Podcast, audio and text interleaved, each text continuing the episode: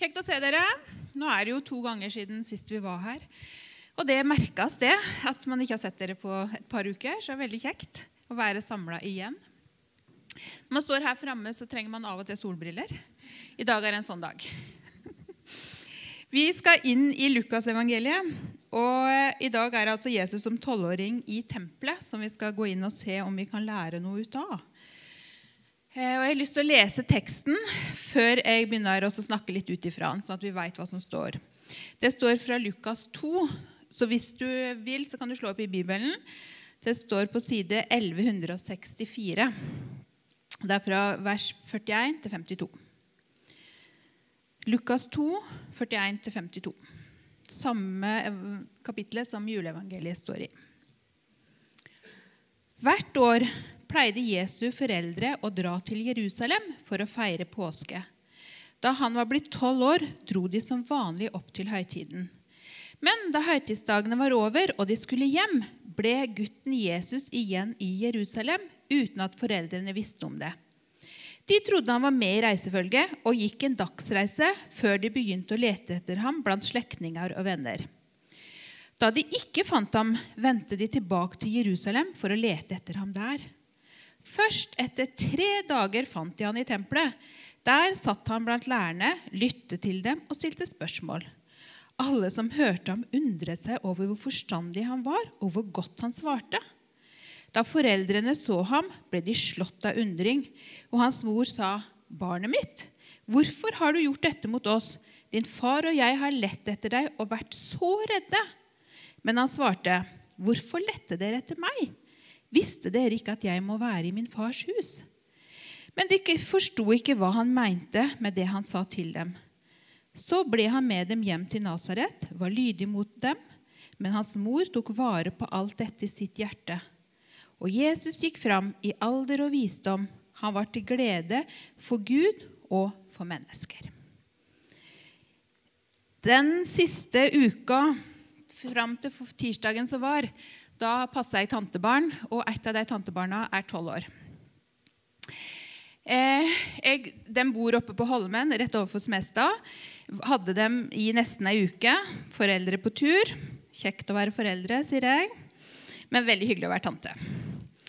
Eh, da var jeg der sammen med dem. Og når man er der så mange dager, så er det hverdagen blir jeg en del av med skole, med mat, med fritidsaktiviteter, kjøre hit og kjøre dit. Eh, og få all logistikken til å gå i hop. Eh, så stakkars foreldre, sier jeg. Eh, men det også som jeg gjør, det er at jeg får følge denne tolvåringen. Og jeg har fulgt henne nå, for jeg er jo tante til henne. Så jeg husker jo når hun ble født. Og så har jeg vært sammen med henne sånn i, i ny og ne eh, over lengre tid og blitt kjent med henne og ser at hun utvikler seg. Og det som var nå, da, det var at nå er det mobilen. Det er alt med Snapchat og Instagram og det som er, eh, som er inn. Og så er hun Hun avtaler nå sjøl med sine venninner om å møtes. Så det går ikke lenger Det er, nest, det er ikke sånn spørsmål kan jeg, men det er bare Jeg har avtalt skal møte på kafé. Eh, og så er hun ute på kafé sammen med noen venninner. Og så er hun tilbake. Eh, jeg merker at hun må løsrive seg ifra det der hun blir passa på hele tida. Hun begynner å bli større og er i en sånn førpubertet, nesten pubertet, som hun nå er. Eh. Så det er spennende å få lov å følge henne. Når jeg las denne fortellingen om Jesus, så tenker jeg oi, det er faktisk noen likhetstrekk mellom mitt tantebarn Tiril og Jesus. Det som jeg ser, da, det er at det kan være at Jesus også er i den der førpuberteten, pubertetsalderen, der det er viktig for han å løsrive seg litt. Finne ut hvem er han? Hvem er jeg? Eh, hvem er det jeg skal bli? Hvordan skal livet mitt se ut? Hvordan er det jeg reagerer på ting?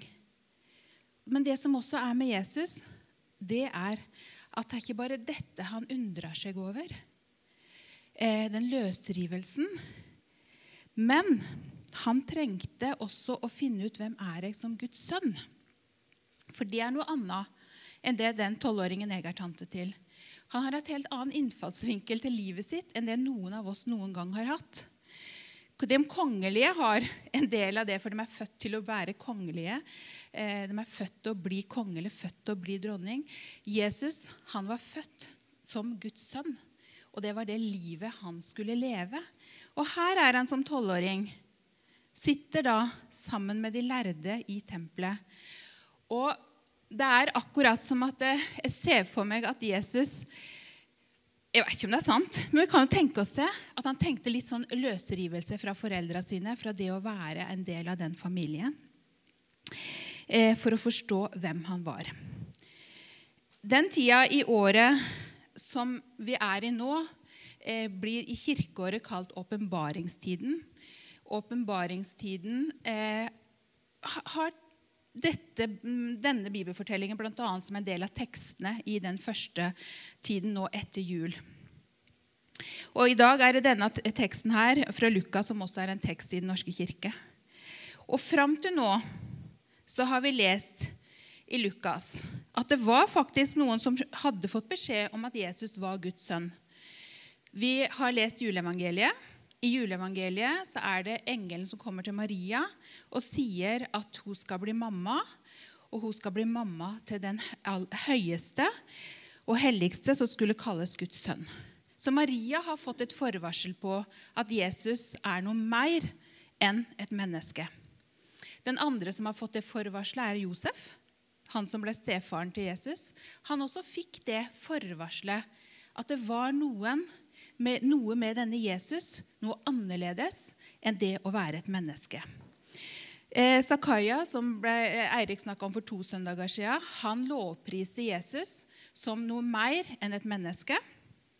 Og I, i eh, samme fortellingen om Zakaria så står det også om Anna, ei enke som lovpriste Gud i tempelet. Hun også så at Jesus var noe annet.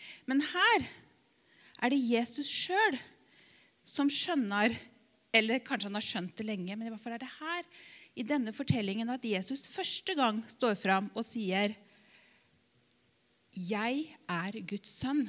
Og han sier det, for han svarer mammaen sin og pappaen sin når de kommer og anklager han.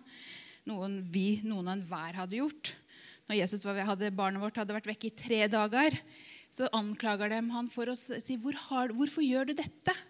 Så sier Jesus, 'Ja, men dere burde jo vite at jeg var i min fars hus'. Så første gangen som Jesus faktisk sier at han er Guds sønn, det var den tolvåringen, den gutten som var i førpuberteten. Den gutten som kanskje det var brytninger i, som lurte på hvem er jeg Denne gutten var det som første gangen her i tempelet står fram og sier at han er Guds sønn. Samtidig så var han også et menneske.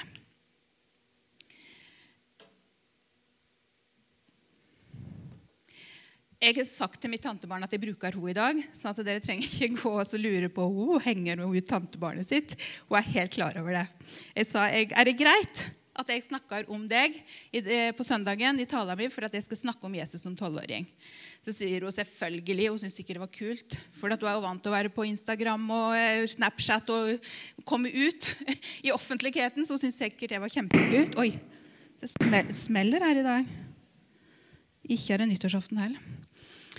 Ehm, men det som hun sier, da når hun eh, er på vei eh, inn i noe annet, når jeg ikke har spurt noe om dette, det er kult at Jesus også var en tolvåring.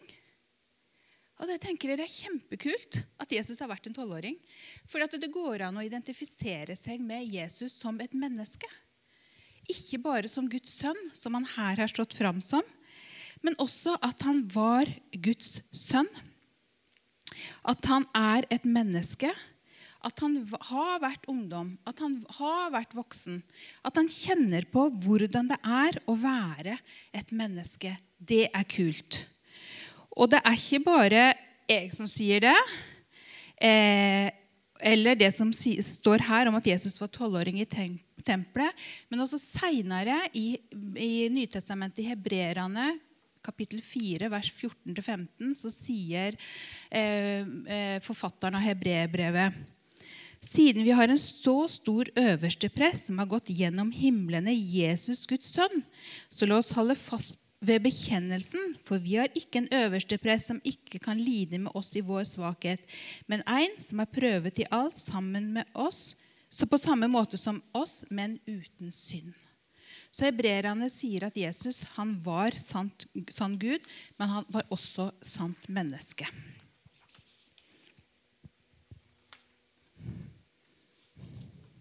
Herlighet, så vanskelig det her var i dag. Hæ?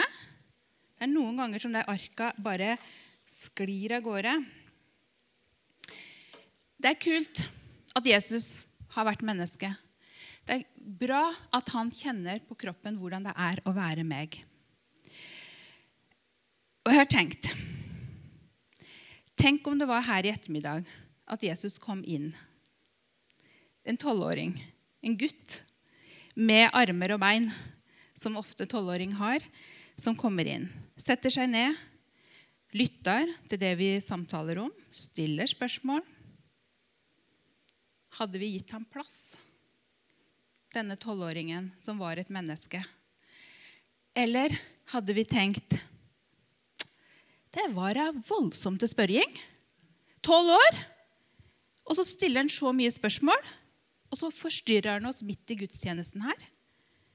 Kanskje det var det vi hadde sett, for vi hadde sett mennesket eh, som kom inn, den tolvåringen. Så hadde vi kanskje ikke anerkjent hvem han var. De lærde, de anerkjente at dette var en tolvåring, men de forsto raskt at det var noe mer med denne tolvåringen. Og jeg håper at vi hadde gjenkjent det i Jesus. At vi hadde gjenkjent mennesket Jesus, men at vi også gjenkjenner gudesønnen Jesus, han som er Guds sønn, som er noe mer enn et menneske. Han er her i dag, ikke som tolvåring, men som menneskesønn, som Guds sønn.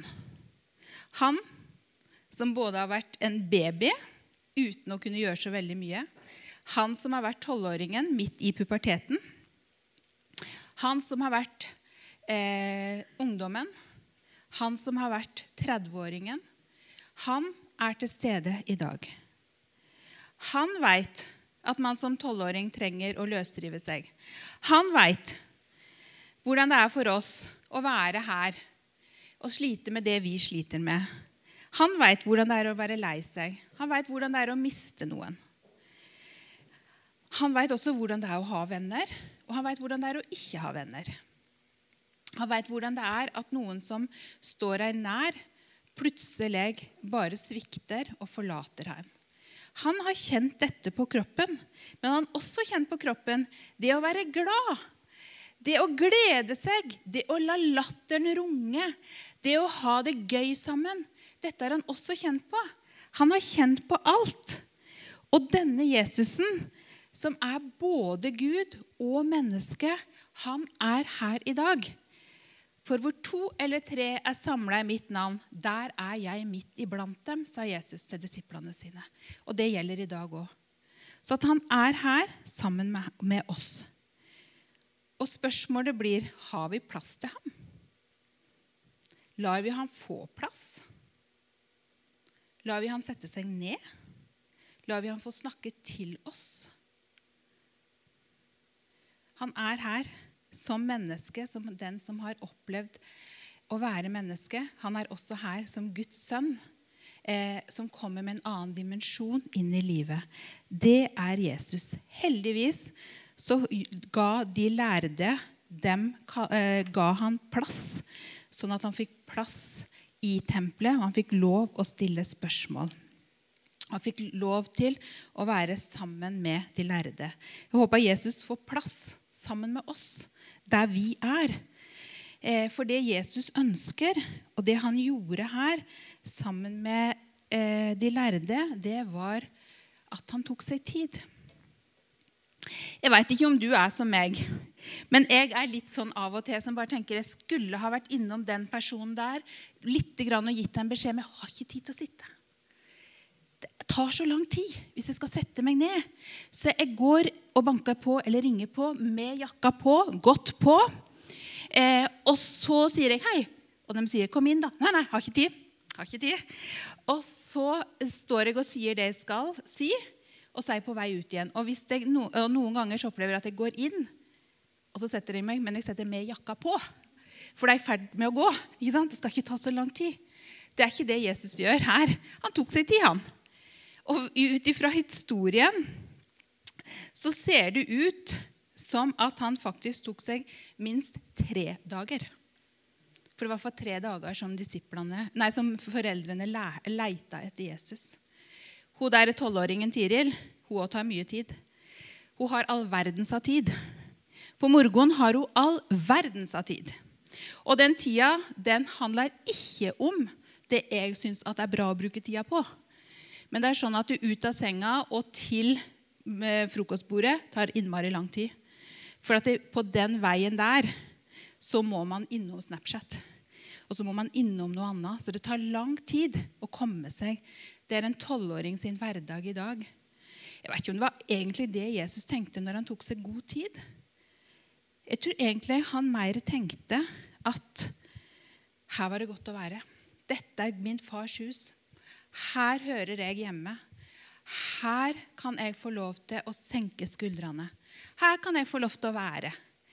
Her bryr det seg ikke så mye om det som skjer på utsida, men her er jeg sammen med disse lærde. Her kan jeg sitte ned. Jeg er ikke sikker foreldrene hans syntes det var like greit at han brukte så lang tid sammen med dem. Det kan hende de var som meg at det, 'Kom igjen, fort deg nå.' Og de sier også 'Hvorfor gjorde du dette?' Men for Jesus så var det helt naturlig. Sette seg ned, ta seg tid. Prioriterte å bruke tid. Jeg tror han hadde det med seg ifra Gud. For hva er det det står om Gud? Han er fra evighet og til evighet. Så Jesus har sikkert lært ifra sin far i himmelen jeg har en evighet av tid. Og den brukte han noe av sammen med det lærde i tempelet. Den bruker han også noe av sammen med oss den evigheten av tiden. Så vi kommer fram for Jesus og setter oss enten det her eller andre plasser, så er det ikke sånn at Jesus står med jakka på eller sitter med jakka på og lurer er du snart ferdig. Han har kjempegod tid. Han ønsker å være sammen med deg, han ønsker å være sammen med meg og bruke tid sammen med oss. Han prioriterer å slå seg ned, sette seg, bruke tid i møte med deg og i møte med meg. Han veit hvordan det er å være et menneske. Så han veit også at vi sliter med den tida vår. Men allikevel så utfordrer han oss, tror jeg, til å sette oss ned og være sammen med Jesus. I høst så hadde vi en taleserie som heter Rytmer her i eh, Bjølsen. På en av søndagene så snakka Camilla Fidje om ut ifra eh, vår verdi å være tilbedende fellesskap. Og en, rytmen, en rytme da som vi fikk lov også, eller ble utfordra på å ta med oss hjem, var å bruke fem minutter hver dag med Gud. Jeg vet ikke om du har klart det. Men jeg tror at Jesus utfordrer oss til å bruke tid sammen med han. For han liker å bruke tid sammen med oss. Han liker å sette seg ned sammen med oss. Eh, og han inviterer deg inn i det fellesskapet. Til at han skal få plass i tiden din. Akkurat som læresveinene ga plass til Jesus i sin tid og i tempelet, så ønsker Jesus å få plass i din tid og i ditt liv. Antall det er to minutter, fem minutter, en halvtime. Eller om du tar en dag. Det betyr ikke så mye. Det eneste som betyr noe, er at Jesus ønsker å bruke noe av sin tid sammen med deg. Og hvorfor gjør han det? Jo, fordi at han var nysgjerrig.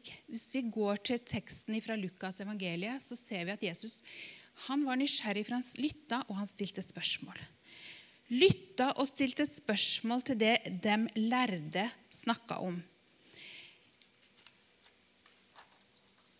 Oppriktig interessert i det som blir sagt, og sikkert også lest.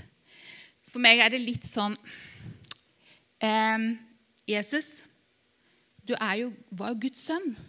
Trengte du å lytte? Trengte du å stille spørsmål? Visste du ikke alt dette?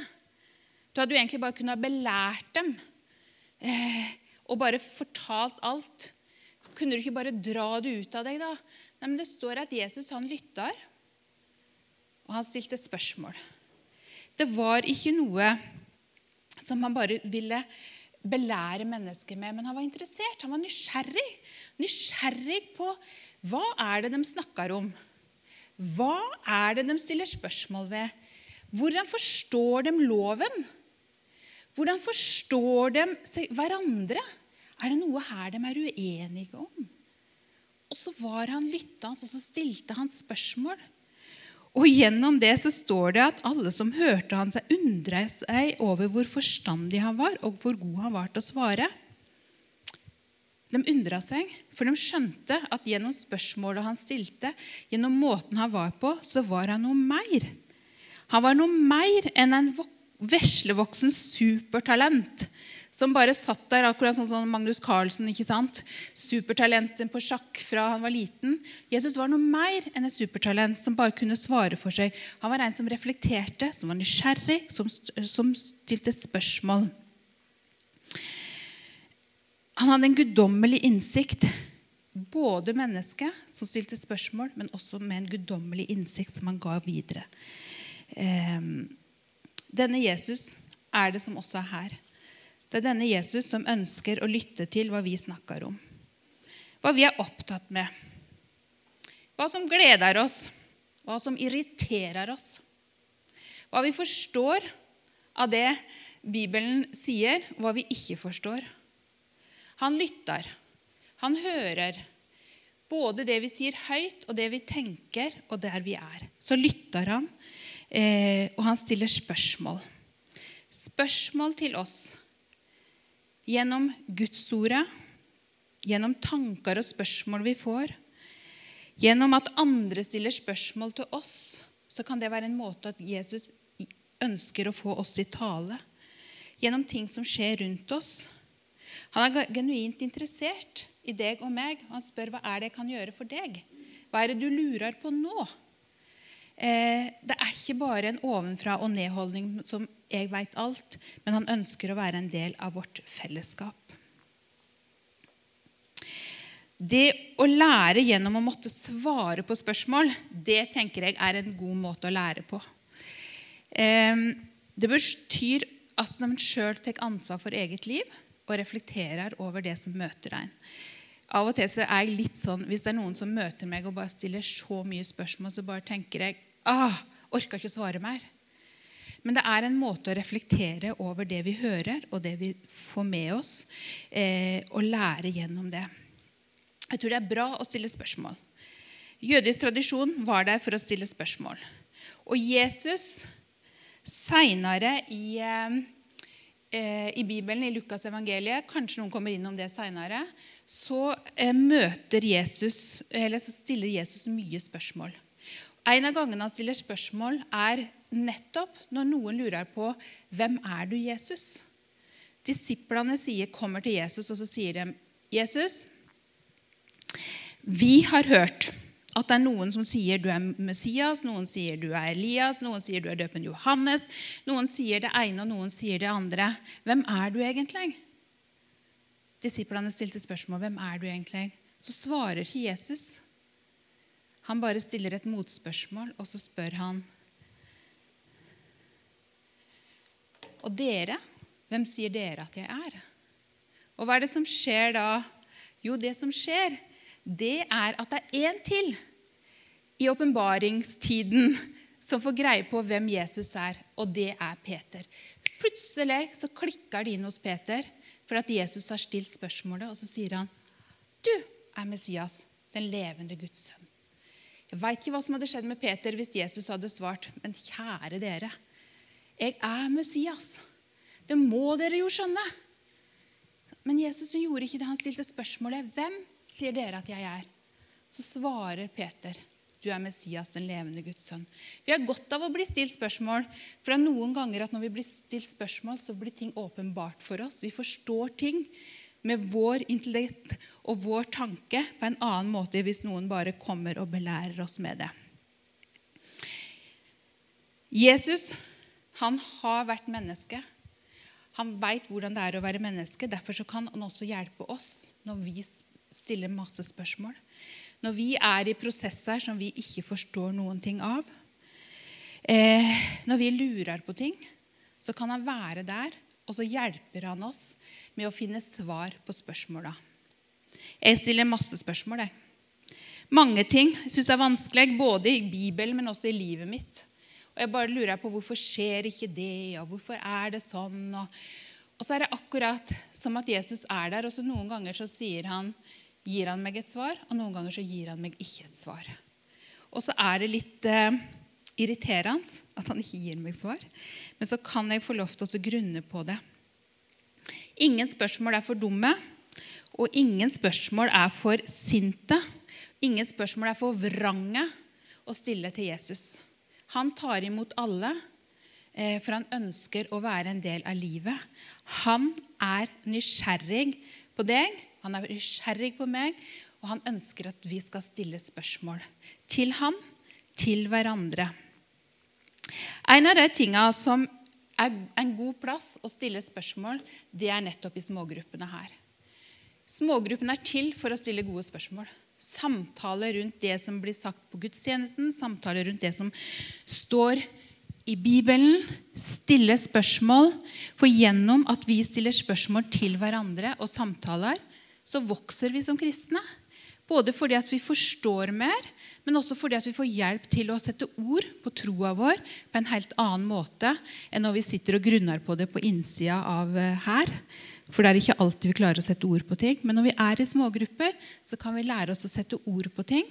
Lære oss til å finne svar på det vi lurer på. Og være også bedre rusta når vi møter mennesker på utsida som ikke tror, men som har tusenvis av spørsmål om tro som er kjempebra at de har. Men det er veldig bra at vi også da kan få lov til å lære oss å svare på spørsmål. Og kanskje også å stille gode motspørsmål, sånn at de kan få lov til å reflektere over de spørsmåla som blir, vil bli stilt. Noen ganger så finner vi ikke svar. Og noen ganger forstår vi ikke det som blir sagt. Maria her, hva var det det sto i teksten? Jo, det sto eh, Men de forsto ikke hva han mente med det han sa til dem. Det eh, ble sagt om Maria og Josef. De forsto ikke at han svarte 'Visste dere ikke at jeg måtte være i min fars hus?' Men så står det men Maria, Jesu mor, tok vare på alt dette i sitt hjerte. Det er noe med ikke forkaste, tror jeg, de spørsmåla og de undringene og det vi ikke får svar på, og det vi ikke forstår. Men lar det bli liggende i hjertet. Undre seg over det. Gjemme det. Og det er ikke første gangen det står her at Maria gjemte ting i hjertet sitt. Det samme gjorde hun når, hun, når, eh, eh, England, nei, når eh, hyrdene kom og fortalte hva de hadde opplevd av englene som, fortal, som, sang og fortalte at Jesus hadde blitt født. Jesus, Maria skjønte ikke alt, heller, men hun gjemte det i sitt hjerte og grunna på det. Og jeg tror vi kan ta med det også inn og grunne på det i hjertet vårt. Det vi ikke forstår. For det står at Jesus gikk fram i alder og visdom. Han var til glede for Gud og for mennesker. Og jeg tror at Det å ikke forkaste ting, men det å være, bære på ting, det å grunne på ting, stille spørsmål, det tror jeg også er med på å gjøre at vi vokser i alder. Det gjør vi dessverre uansett. Men også i visdom og i kjennskap til Gud, vår far. Jesus, han var menneske.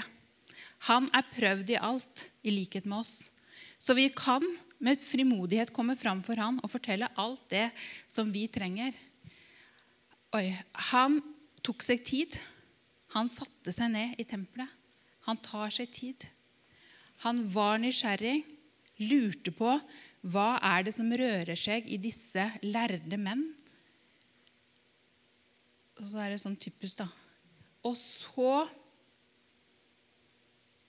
Jesus, han var ikke, men han er.